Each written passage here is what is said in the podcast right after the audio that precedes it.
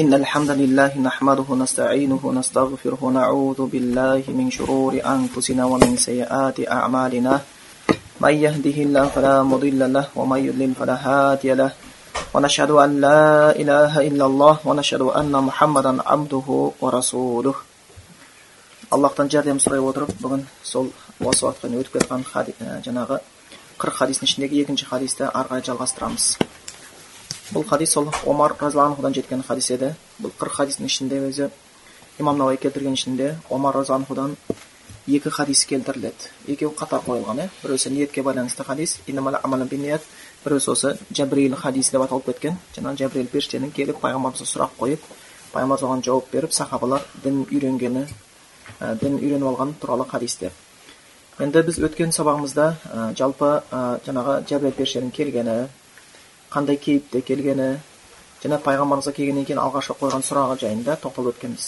Бірінші сұрағы пайғамбарымызға қандай сұрақ қойды? Ахбирни анил ислам маған ислам жайында хабар берші деп сұрақ қойған болатын. Пайғамбарымыз жауап берген болатын ислам дегеніміз деп сенің куәлік беруің аллахтан өзге сенуға лайықты ешбір тәңір жоқ. Мұхаммад расулалла мұхаммед аллахтың елшісі. Намаз оқуың зекет беруің рамадан рамазан айының оразасын тұтуың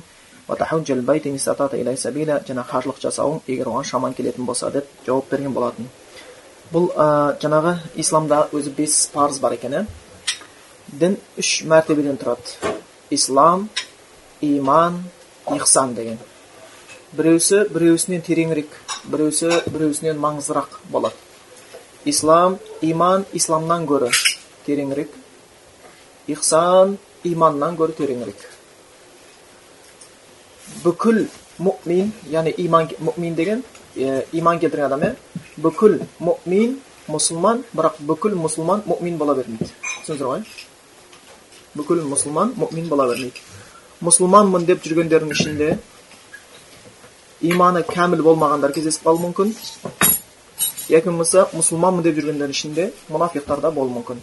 Біз оның сыртқы іс әрекетіне қарап қана баға береміз. Ішкі дүниесін аллах қана білуші. Енді кейбір ғалымдар ислам мен иманды арасын ә, бөліп түсіндірме беретін кез бар. Бұл екі сөз иман мен ислам дегеніміз. Егер бірге айтылса дейді бөлек бөлек мағына береді дейді. Деп қойды ғалымдар.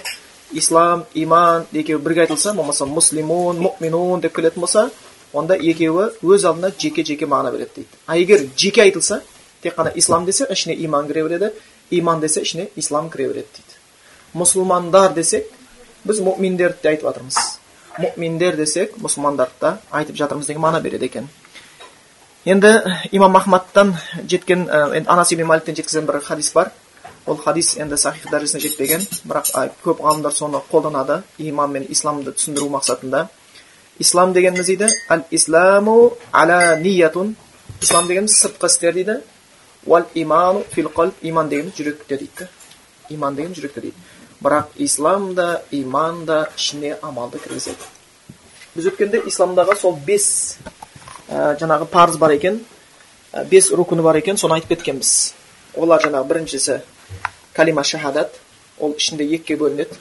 аллахтың бір ғана өзі құлшылыққа лайықты екенін мойындау және пайғамбар саллаллаху пайғамбарлығын мойындау одан кейін намаз оқуың зекет беруің рамазан айының оразасын тұтуың және қажылық жасауың деп осы бес парыз исламның ішінде кіреді екен бұлар исламның негізгі тіректері ислам осымен шектеліп қалмайды ислам одан да көп мәселелерді қамтиды одан да көп нәрсені қамтиды бірақ мынау негізгісі бұған және бір сабағымызда келген кезде осы хадистің ішінде келеді абдулла омар жеткен хадисте буни ислам ислам аля хамсин деген хадисте оның түсіндірме беріледі ислам бес нәрсенің үстіне құрылған дейді бұлар тірегі одан да басқаша исламның түсіндіретін нәрсе, бар мысалға алатын болсақ жаман сөз сөйлемеу біреуге тіліңмен болмаса қолыңмен зардап келтірмеу ол да исламға кіреді хадис бар сахи хадис әл муслиму мән муслимуна мин лисанихи деп келеді мұсылман дегеніміз яғни исламды ұстап жүрген адам дегеніміз қандай адам дейді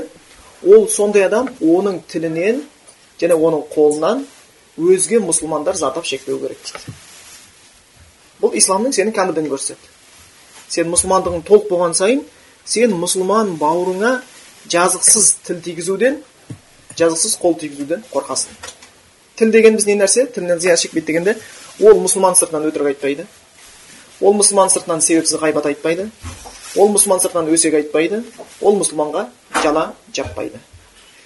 Қолынан деген нәрсе қолмен зиян бермеу. Ол мұсылман бауырының дүниесін